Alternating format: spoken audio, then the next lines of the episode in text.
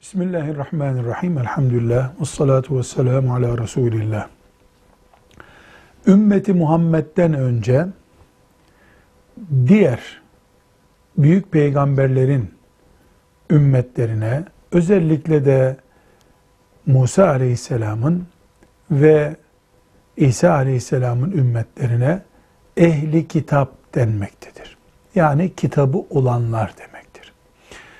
Kitapla kastedilen, onların kitabıyla kastedilen Tevrat, Zebur ve İncil'dir.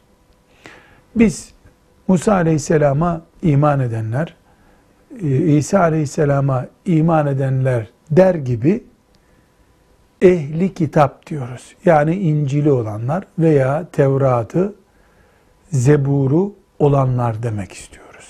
Velhamdülillahi Rabbil Alemin.